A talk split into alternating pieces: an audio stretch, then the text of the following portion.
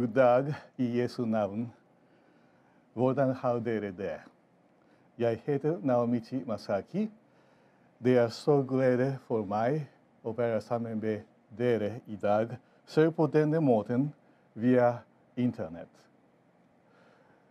Uh, this is the end of my trial to try to speak in a broken Norwegian that I used to uh, be speaking a little bit uh, in my uh, teenage time. But I do like to bring to you the greetings from Concordia Theological Seminary here in Fort Wayne.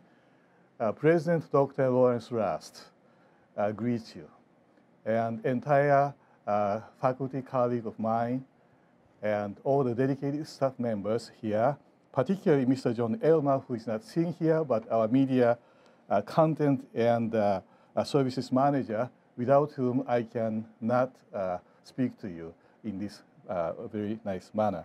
Also, all the students, they greet you, thanking for your partnership in the gospel.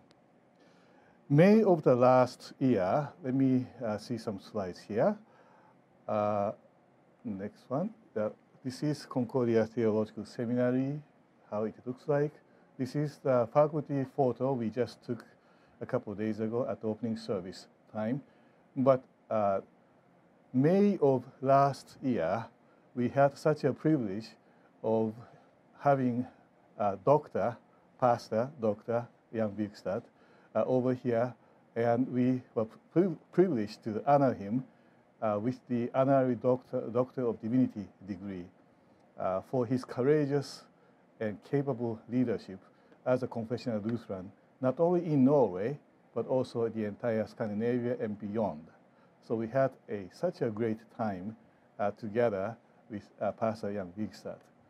I'd like to thank you, not only uh, Pastor Jan Bygstad, but also uh, the uh, Evangelisk Lutherske Kirk uh, Samfund i Bergen in Delk, and also uh, Bjørgvin Diocese Department of for Bibel og Bekjennelse, FBB, for organizing this fantastic uh, conference. Uh, this is such a meaningful one. I hope uh, we can continue. I had a privilege and advantage because I came toward the end of uh, this uh, uh, conference to speak. I had a privilege to watch most of the presentations already, beginning with Dr. Jim Nestingen, my favorite Norwegian American, who can not like him. he is a fun guy, and he also teaches with articulation of Lutheran theology and always having fun. I think he said the heresy and boredom uh, go together, and we should otherwise have fun uh, against it. Uh, I also watched uh, Dr. Knut Alfsvåg. Uh, he's a good friend of mine from old time, and his articulation is, again, uh, incredible, and I am still amazed how he is able to speak Japanese fluently, as he has been in Japan many times. Uh, my own teachers here, um, Dr. Kolb and uh, Dr. Kleinig, uh, their presentations are always uh, powerful. My Swedish colleagues, uh, the uh, Dr. Torbjörn Johansson and Pastor uh, Jakob Appell from Gothenburg, and my Norwegian colleague from Oslo, Pastor of Dumbolt. Uh, their presentation was wonderful too. And then uh, many of my former students also presented Pastor Bryan Wolfmueller, uh, Pastor Boro Erickson, and then uh, I think tomorrow or the day after, Dr. Uh, Jacob Corzine also make presentations. Also, another set of my former students and current student, Pastor Eirik Cornelius Lunde and Pastor Zacharias uh, Ingolfsson. Uh, when Norwegian, well, he's from Iceland too. And then I like to also uh, say how appreciative I was for uh, my own colleague here, uh, Dr. Uh, uh, John Pless, uh, because he said in the presentation he was going to wear a Norwegian sweater he bought in Bergen, but it was too hot. Uh, because he said, no, he can't. So I came the other way around. Uh, this is a, uh, a sweater that I think I bought a couple of years ago when I was in uh, Norway the last time in Oslo, and uh, uh, this was for honoring the Norwegian heritage and culture. But also, before we begin our content, I also like to say from my heart, really, how I am thankful for the Norwegian Lutheran friends, particularly mission friends. I know this is, you know, particularly from uh, my own background back in Japan. Uh, the uh, Norwegian Lutheran uh, mission. Maybe we can go to the next slide. Uh, here uh, you see a old missionary, Gabriel Akeley, who came to Japan through Manchuria, and he started the mission over in Japan. Next to him is my father. Uh, when he was young, he was preaching also in Norway, spending maybe half a year or so. Uh, he died uh, 2017 in the summer, but only because of the Norwegian missionaries, their dedication, their articulation, and behind the scene, there are so many uh, Norwegian mission friends praying, making sacrifices, working so hard uh, to bring the gospel to the, such a, a, long distance foreign country from Norway, Japan. Uh, so we are having a church over there uh, because of your effort and prayers. So I'd like to thank you uh, on behalf of all the Japanese Christians, the Norwegian friends who came over to help us. Uh, another photo that I wanted to show at the beginning was uh, the next one. Uh, this is the scene of my own baptism uh, back in 1961. standing is my mother and my father behind, and my older brother, Dr. Makito Masaki. But the one who baptized me, who is it? That's uh, missionary uh, uh, Bø, uh, the father of my dear friend, uh, Dr. Sverre Bø of uh, Fjellhaug uh, School over there. maybe I can go on to the next one. Yes. At the age of 17, I had a privilege to go to Norway uh, to spend one whole year to go to uh, Rødde Folkehøgskole. And uh, that experience was uh, quite, uh, uh, quite much. Uh, perhaps we can come back to my photo here. spiritually speaking, I encountered very good devotional book, Eivind Anderson, uh, Children. Uh, this was quite uh, influential to me. I was also introduced to a Norwegian translation of Rosenius, whose Andacht book I was still reading, the 1930 uh, translation of the entire Bible. And then, of course, this. uh, this is a, a goat cheese geitost, not merely brunost, not only geitost, but it has to be ekte uh. Uh, to this day, I enjoy whenever I have a chance. And then my Norwegian friends uh, bring always to me. Uh, I have a cutter, and then I eat it uh, every day at home. Um, another figure who influenced me, of course, uh, Dr. Wisløff, uh, vet på hvem that book has been translated also into Japanese and he was uh, wonderful. Uh, can I go back to the uh, picture here? So this is a proof. the bottom row, fifth from the left, is my photo. Yeah, these are the men. And uh, at the end of the school year, I was given to, where everyone was given to write a short essay or long essay. Uh, we sat maybe three, four, five hours in the gymnast gymnasium to write an essay. Uh, and maybe in the middle you can see a young uh, Dr. Sverre Bø when he was young. This is a gathering of uh, missionary children, those who went to Japan and grew up in Japan, and the left-hand side is myself. Uh, back from Norway, I also continued uh, something, and this is a, a some a circle in the university uh, for the missions. And uh, Merit Haugen, who was a missionary to Japan, she was writing this article uh, saying that there is no, maybe no one from Japan who can still say in Trondish, uh, that sort of stuff. But truly, this is about the missions. And here is uh, my family back then, uh, when I was 20-some, uh, wearing some Norwegian clothes too.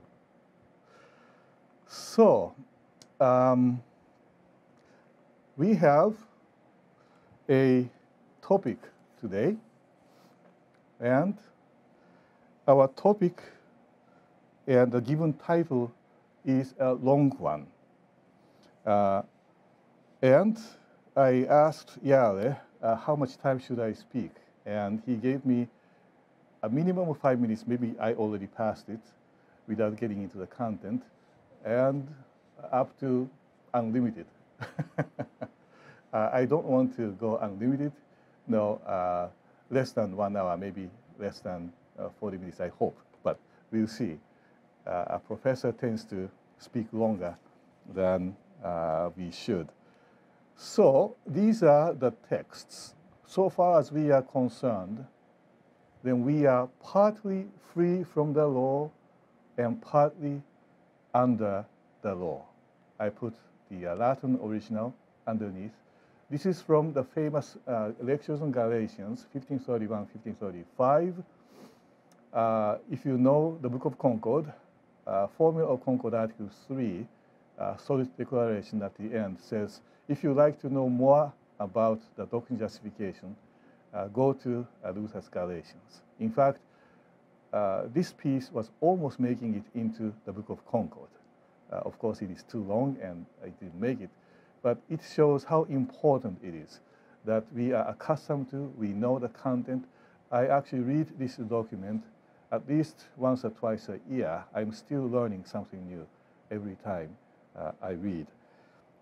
Uh, just underneath of uh, previous screen, I like to put this one.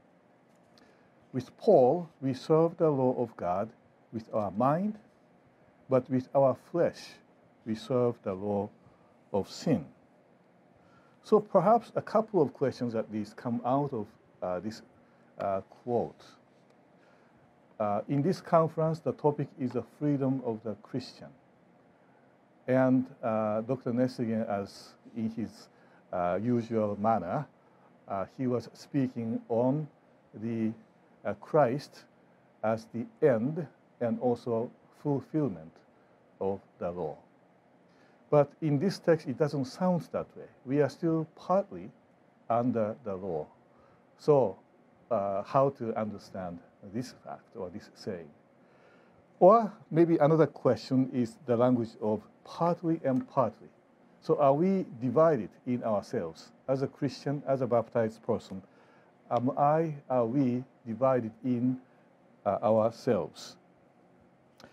Uh, I like to basically do two things here briefly. One is simply to expound on uh, Luther's uh, text here by simply reading uh, what came before this text and what came after this text. So by placing our text in the context, I think most of the questions uh, will be already solved. So that's one. And second thing is to uh, expound on what Luther says here uh, in four or five points. And then we can have a good conclusion time. So it's a lengthy portion. Maybe uh, I'm reading a total of two full pages uh, from uh, Luther's works uh, in American edition. Uh, so bear with me, and you can have a good grasp of what Luther tries to say here. Okay, so let's turn to the text. Okay this is what comes just before our text. Let's read. Uh, that is, we are free from the law, our uh, prison, and our custodian. uh, Luther is expounding on Galatians chapter 3, uh, 25. Um, for after faith has been revealed, it no longer terrifies and troubles us. Paul is speaking here about the faith promulgated or published through Christ as a specific, at a specific time. For having assumed human nature, uh, Christ came once for all, at all at one time, abrogated the law with all its effects, and by his death delivered the entire human race from sin and eternal death. Therefore, if you consider Christ and what he has accomplished, there is no law anymore.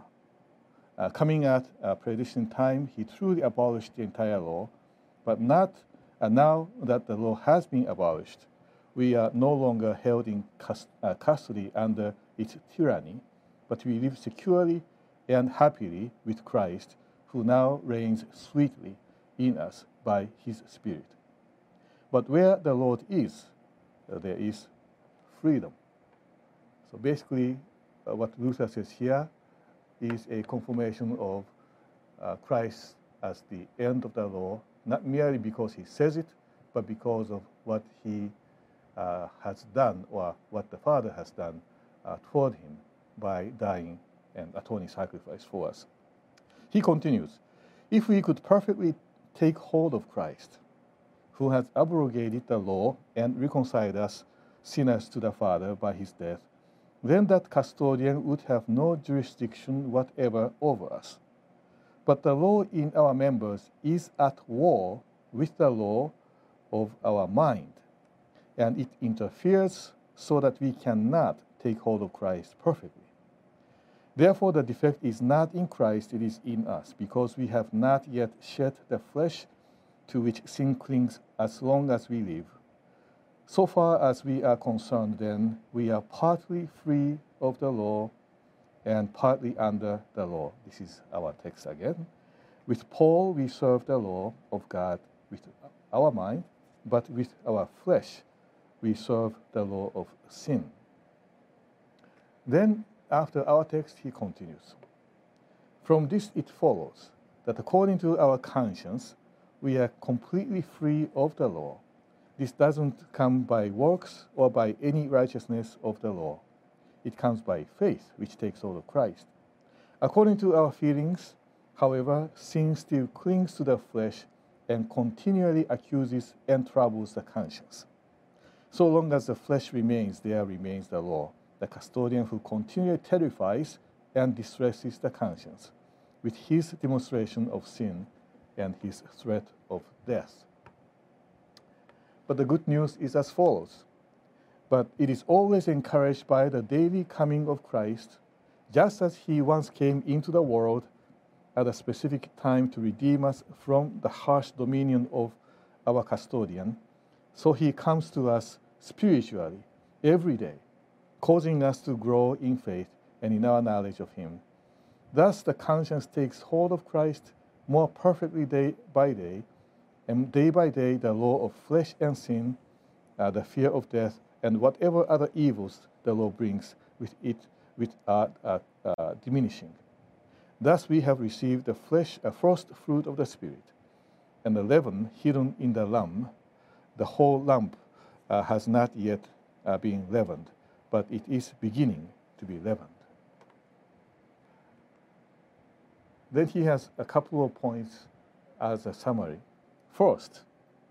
Thus, if I look at Christ, I am completely holy and pure, and I know nothing at all about the law. For Christ is my leaven, but if I look at my flesh, I feel greed, sexual desire, anger, pride, the terror of death, sadness, faith, uh, fear, faith, grumbling, and impatience against God. Uh, to the extent that these are present, Christ is absent or if he is present, he is present weakly. Here there is still need for a custodian to dis uh, discipline and torment the flesh, that powerful jackass, so that by, his, by this discipline, sins may be diminished and the way prepared for Christ. Uh, for just as Christ came once physically, according to time, abrogating the entire law, abolishing sin and destroying death and hell, So he comes to us spiritually, without interruption, and continually uh, smooths light and heals these things in us. Here is a second point.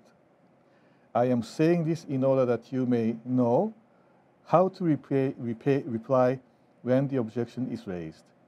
All right, Christ has come into the world and abolished our sins once and for all, uh, cleaning us with, uh, with his blood. Then why should we listen to the gospel? What need is there of the sacrament and absolution? It is true that if you consider Christ, the law and sin have really been abolished, but Christ has not yet come to you. Or if he has come, there are still remnants of sin in you, and you have not yet been completely leavened.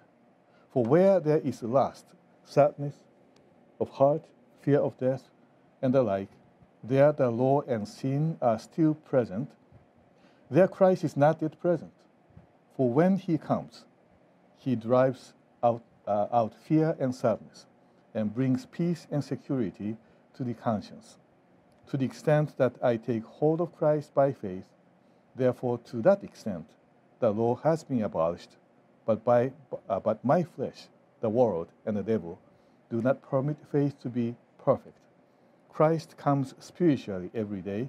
Through the word of the gospel, our faith also comes every day. And faith is present. Our custodian, with his gloomy and grievous task, is also forced uh, to yield. Here, uh, we can observe uh, several things. Uh, so, thank you for bearing with me. A lengthy quote, uh, but I think it is it was important for us to uh, to realize what he is writing and in what context. The very first point that we should observe here is that what he says as partly and partly. Uh, this is another way to express the uh, doctrine of uh, what Luther called a simul simultaneously uh, justified Christians and sinners, simul justus et peccator. Uh, in this context, Luther speaks this way. So it is, of course, uh, the doctrine of justification uh, doctrine of the proper distinction between law and gospel.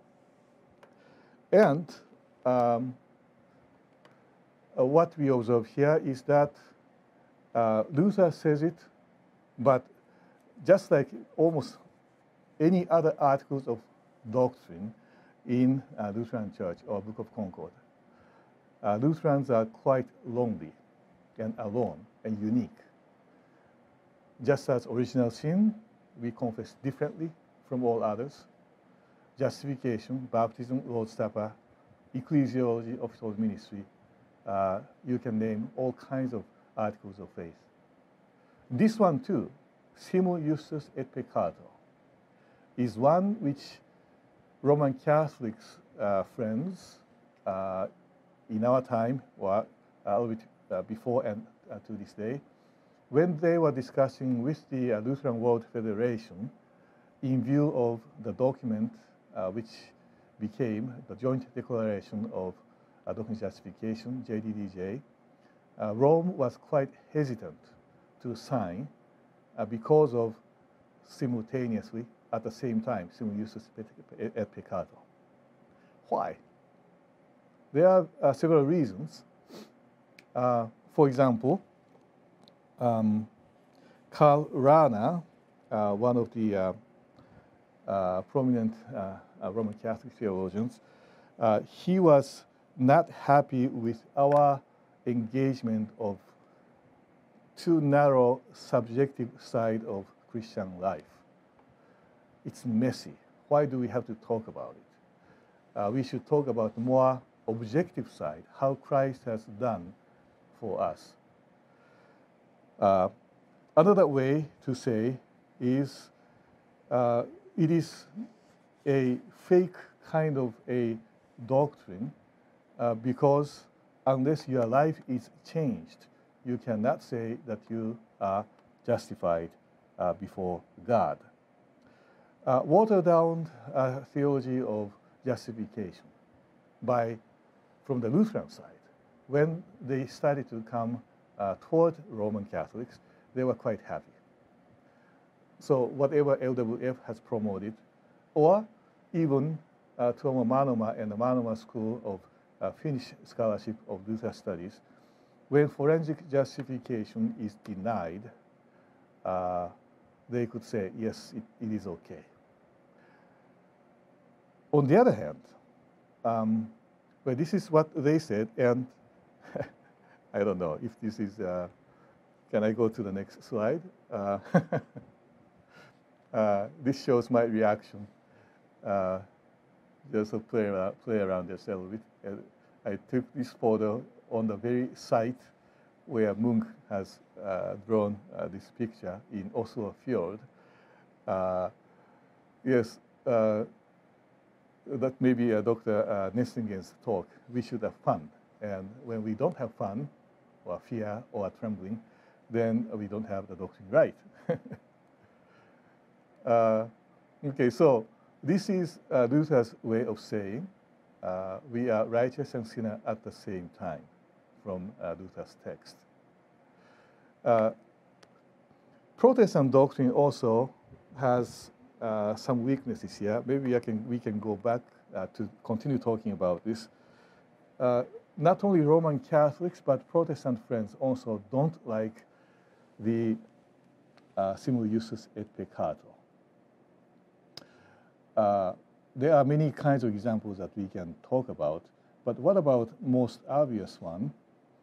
Uh, the Lutherans in the world are encountering and challenged by, and therefore incorporating, uh, some Lutherans are doing it, a so-called prosperity gospel. Uh, prosperity gospel came out of America.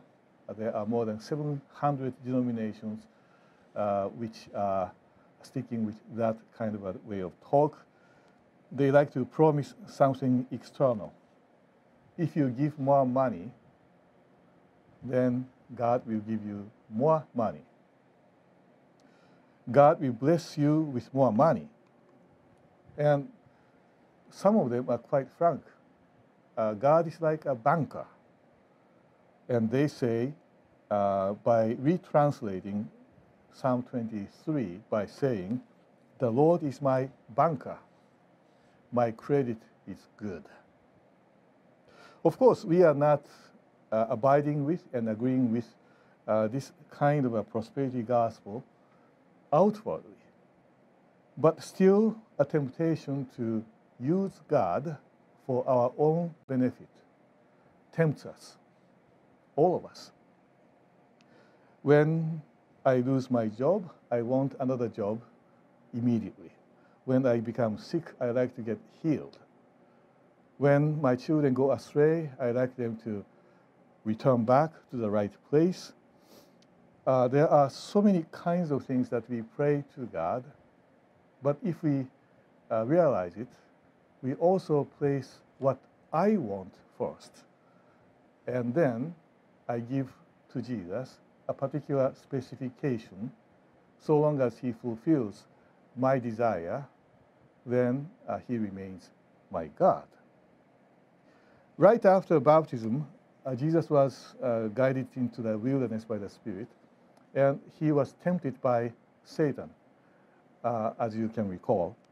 And Satan uh, did all kinds of things. Basically, what he did was to uh, deflect the way of Jesus from going to Calvary to die and atone for our sins. And the, uh, the final words that Jesus' answer to Satan was, Get behind me, Satan. A couple of Sundays ago, in the gospel reading from Matthew's gospel, uh, we read what happened to Peter. Peter made just a greatest confession ever. You are uh, the Son of God, you know. Uh, you are the Christ. And then Jesus started to predict his own passion and death. And what happened? Good Peter, good hearted Peter, didn't want Jesus to go to Jerusalem to suffer and die. Then what did Jesus say to Peter? The same words Get behind me, Satan. If you and if I uh, like to have a Jesus without Calvary, the one who fulfills my own desire uh, instead of the one who went to Calvary to atone for our sin, then we are also satanic. We should be called by Jesus, get behind me, uh, Satan as well. We also, therefore, do not like to have a struggle, struggle with sin. Uh, another uh, theologian, uh, Karl Barth, uh, of the 20th century, he also disliked simul justus et peccator because he said this way of talk uh, focuses on too much on the relational aspect between us and God, and not so much as what he called ontological uh, aspect. Now, Luther criticized both Roman Catholic friends and the uh, nowadays Protestant by the names of uh, sacramentarians and enthusiasts or sectarians and antinomians alike. His basic critiques, which we also read in Galatian lectures, is this. They do not have any understanding of the Lord's Supper because they don't grasp the doctrine of the law. The law in its main office to kill and to terrify. People don't like struggles Anfechtung. Luther quite often said they have no Anfechtung. They don't struggle. Old man and a new man, they don't fight against each other. They like to have a clean heart. So, after baptism, uh, if you sin, that is not considered sin. It's merely an inclination toward evil. You can become perfect. And that kind of a, a way of thinking permeates uh, in uh, both um, Roman Catholics and the Protestant people as well. The whole point is uh, we should uh, never uh, misunderstand or discard the understanding of simul justus et peccator in order to understand uh, what Luther has to say. Uh, briefly to the next point. Uh, second observation from Luther's text is the baptized Christians are totally righteous and totally sinners. We are completely righteous, but we are also completely sinners. It's a paradox, of course, as Luther says it. But this is the fact. Why completely righteous? Because of relations. Why completely sinners? Because of formality uh, Luther uses the language uh, of uh, Aristotle, both in the lectures on Galatians um, and uh, lectures on Psalm 51, and, and maybe more prominently in the uh, disputation against antinomians in the middle to the late 1530s. Uh, he makes the distinction between the two, relational and formal. We are not uh, the baptized are not uh, righteous completely in a formalistic way, in ourselves. No, we are still sinners.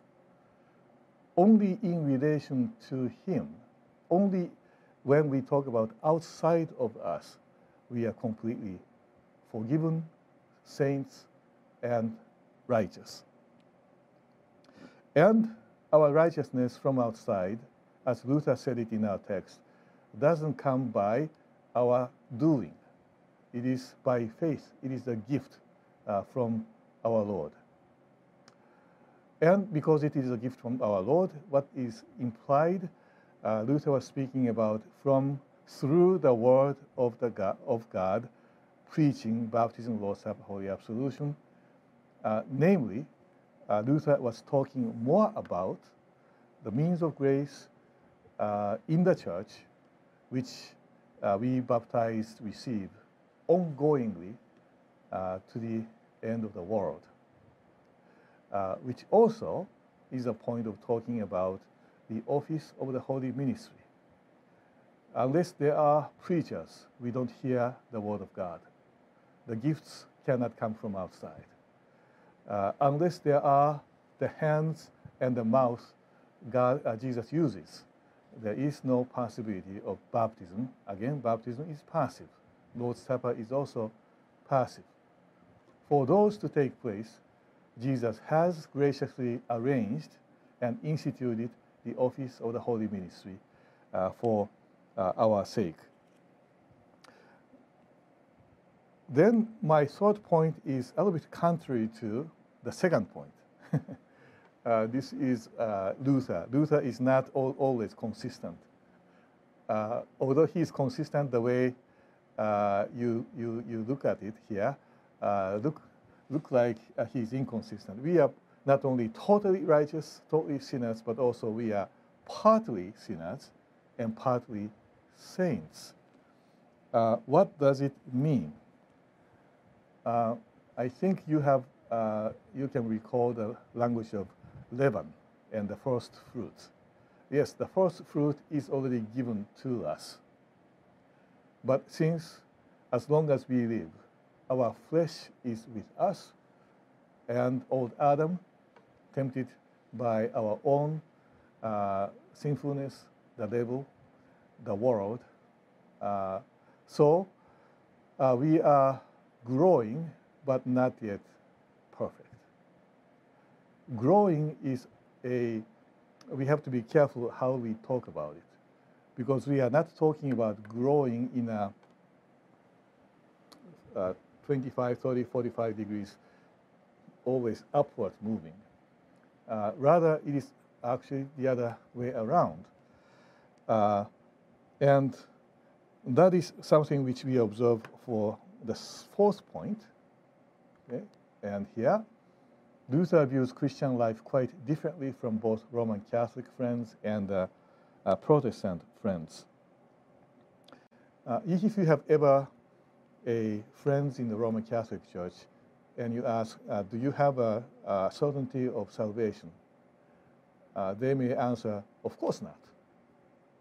Of course not. If I have a certainty of salvation now, then I'm, I stopped making progress. So you need to make uh, continuous progress.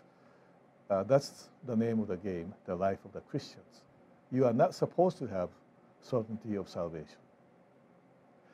How about Protestant? Uh, I'm talking in a generic term, but uh, by and large, uh, again, you don't have a certainty always. For them, justification is a past event. It happened in the past and no longer uh, present reality. And you are to make sure that you make a progress in your own life, devotional life, so, uh, social life, the church life, all of them ethically and outwardly, and to show that you are growing uh, as a Christian. For Luther, uh, how it looks like uh, in terms of the Christian life is quite different. Uh, let's take a look at some of his quotes here. Uh, let's see. Uh, not this one. This one, yes. Okay. This is out of Luther's lectures. In fact, the godlier one is, the more he feels this battle. Or, a godly man feels sin more than grace, wrath more than favor, judgment more than redemption.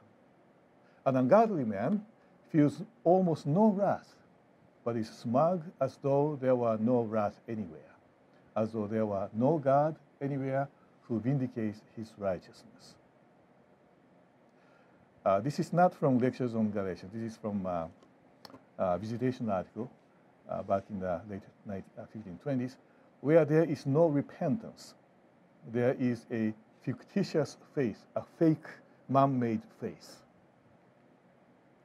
A Christian is not someone who has no sin or feels no sin. He is someone against whom, because of his faith in Christ, sin is not reckoned by God.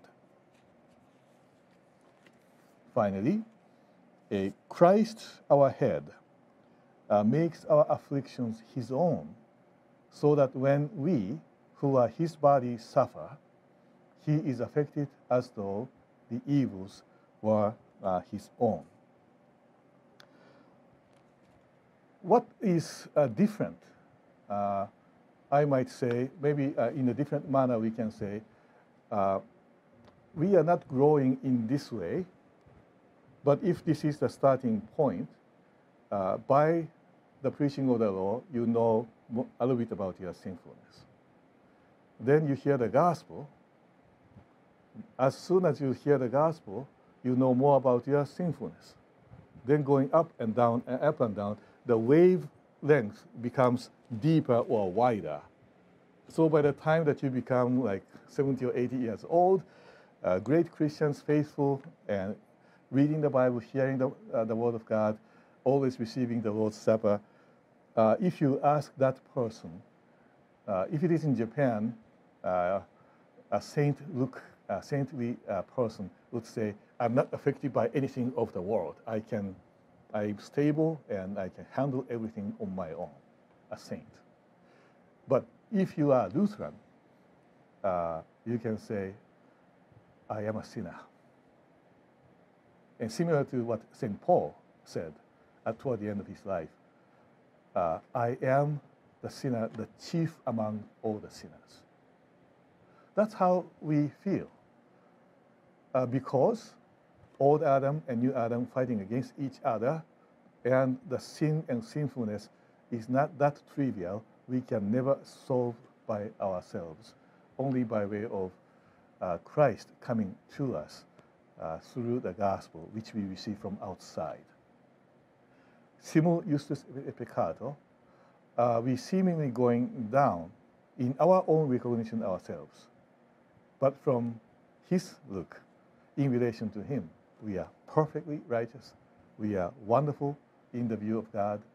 Uh, we have comfort uh, uh, in the gospel from outside. Lastly, let's return back to our slide. Oops, let's see. Uh, before this, this one. Yeah, last one. Five, fifth point. We never graduate from Jesus. uh, this is a term which we, uh, I have borrowed from Luther's lectures on the Psalm 51. And then I also like to borrow some thinking from uh, another friend of mine in America. Uh, maybe many of you know him, uh, Pastor Bill Cwirla, William Cwirla.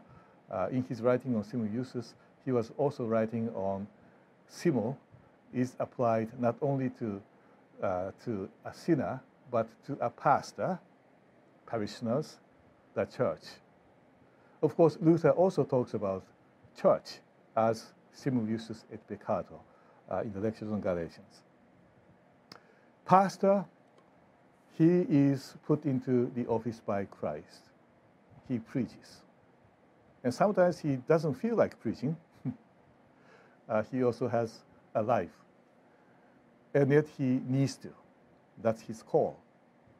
On the other hand, because he is in front of the people and, humanly speaking, a leader in the church, he has a temptation.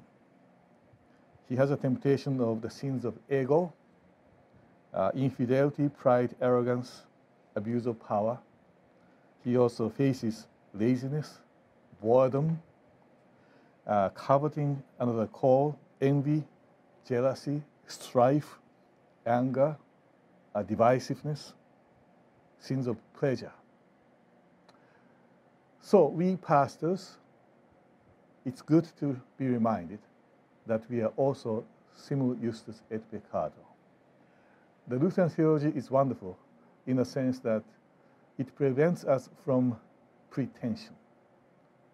We don't have to pretend to be good. Parishioners uh, coming before a pastor, you don't have to pretend that you are a good Christian. Pastors already know it, who you are. In yourself, you are completely sinner. But in relation to Christ, you are completely righteous. So parishioners too have a temptation because of simul justus peccator, reading the Bible, hearing the sermon, receiving the Lord's Supper, well, you are receiving uh, in a double manner, both new man and a new old man receiving at the same time. Or what uh, Christians can do in a marvelous way, such as uh, defense of human life, social justice, the environment, support of marriage and family, the care of the poor, and uh, marriage in society. These are marvelous tasks, and we should always do, and even more. And yet, uh, it comes with the pride of our sinful nature.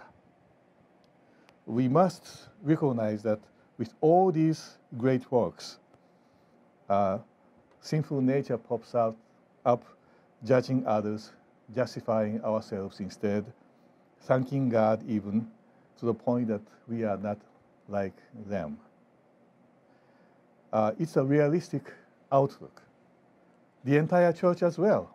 And that's the reason why we have the third article. The church remains an article of faith. So I think we have spent enough time uh, so let's go to a, a conclusion and showing some slides here too. Uh, wonderful one from Denmark and uh, Lord's Supper from uh, Russia. This is from Ukraine. Uh, this is from Norway. Maybe you can uh, identify uh, those men and the, the Lord's Supper distributed uh, this is in Fort Wayne, Indiana, uh, the home church of the city of Fort Wayne, uh, where our seminary is located, and our seminary here. So let's keep this one now, and let me just give a concluding uh, thoughts here. Um, I grew up in Japan, and in Japan, uh, we were talking about a good Christian with the language of devout Christians, Neshina Christian, uh, or uh, zealous uh, Christians. And those who are praised tend to have a show of great faith. Our temptation is to measure each other by way of the level of trust, dedication, and piety. And yet, God measures us in much a dif- much different manner. He uh, measures not by what we do, what we even believe, but what we receive. Receiving from the Lord uh, is the highest or most important point. Pastor, I have lost my confidence. I don't know whether I'm a Christian anymore. And I don't think Jesus forgives me because I have committed such a terrible sin. If a parishioner comes to you, if you are a pastor, uh, you don't want to say, okay, I understand, therefore you must pray harder. You must read more Bible. Just trust the Lord. Well, these words won't help that person. Instead, you had better ask, did Jesus die for you? Did he die only for your small sins, tiny sins, trivial sins? Or did he die for all your sins of any size and magnitude? If the question is, are you in the kingdom of God? The answer is not to say, yes, I am, because I have given my heart to the Lord. But rather, yes, I live where Jesus is living. Do you have faith? Well, that's not a good question. The good question to ask is Are you baptized? Our job as a pastor is to guide and draw our parishioners' attention from inside of themselves to outside them, namely Christ, the crucified external verbum, sermon, baptism, Holy Absolution, the Lord's Supper. We don't ask for the security of salvation. No, security is something that you do to gain, but certainty. Certainty comes only from what He has already done, which He also brings to us today by uh, means of grace. You see, faith never talks about faith itself. Uh, in Japan, when someone is converted and baptism takes place, took place, and nobody was saying uh, before the congregation, "Look at me! What a wonderful faith I have! I now have." No, they always said, uh, "What a wonderful Savior now I have." Jesus is my Lord. He has given me His name in this water of baptism. By it, He has committed Himself uh, to my entire life from now on, forever. And as if baptism were not enough, He also gives to my mouth His body to eat, His blood to drink, for the forgiveness of sins. What a marvelous shepherd I now have. Faith talks about the giver of faith, Christ. Faith doesn't look at inside of faith. That's uh, error, and then the struggle continues. Still, someone say, Pastor, I have tried to live a good life, but I just don't know if I have done enough. Isn't my faith enough, Pastor? You embrace that person and lovingly, again, guiding uh, this or that uh, lady or man to the Lord and direct their attention to what Christ has done uh, for that person. Finally, I, am reminded of uh, Martin Luther's uh, dream. One of the dreams, uh, he was dreaming of Satan coming to, to him with the big scrolls of paper, listing in the bullet points. this is the Japanese, I'm sorry, this way. Uh, uh, this is the sin that you have committed. This is the sin that you have committed. This is also, and many others. And Satan said, Well, these are my record of your sin. Do you have to admit? And Luther looked at it carefully and said, Yeah, these are my sins. Then Satan uh, took that opportunity, advantage of that situation, saying, Therefore, Luther, you are called a doctor and a professor and a reformer, etc., but you are such a bad man. You are a sinner. So you have to go to hell. Then uh, Luther, in a pretty Luther way, said uh, in a colloquial language, uh, which I imitated actually uh, Dr. Nestingen, wrong address. Wrong address. Satan, you came to the wrong address. If you like to find my sin, go to Jesus on Calvary. But this is here. Yeah. Go to Jesus he bears my sin, all of them. Don't come to me. I'm completely justified, forgiven.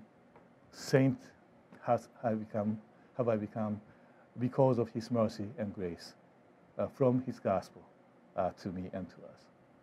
Unless we uh, choose to take our sins, some of the sins away from me to back to, I mean, from Jesus to myself, then uh, because the gospel doesn't come by force and law, Jesus would say, okay, so I have to bear my sin.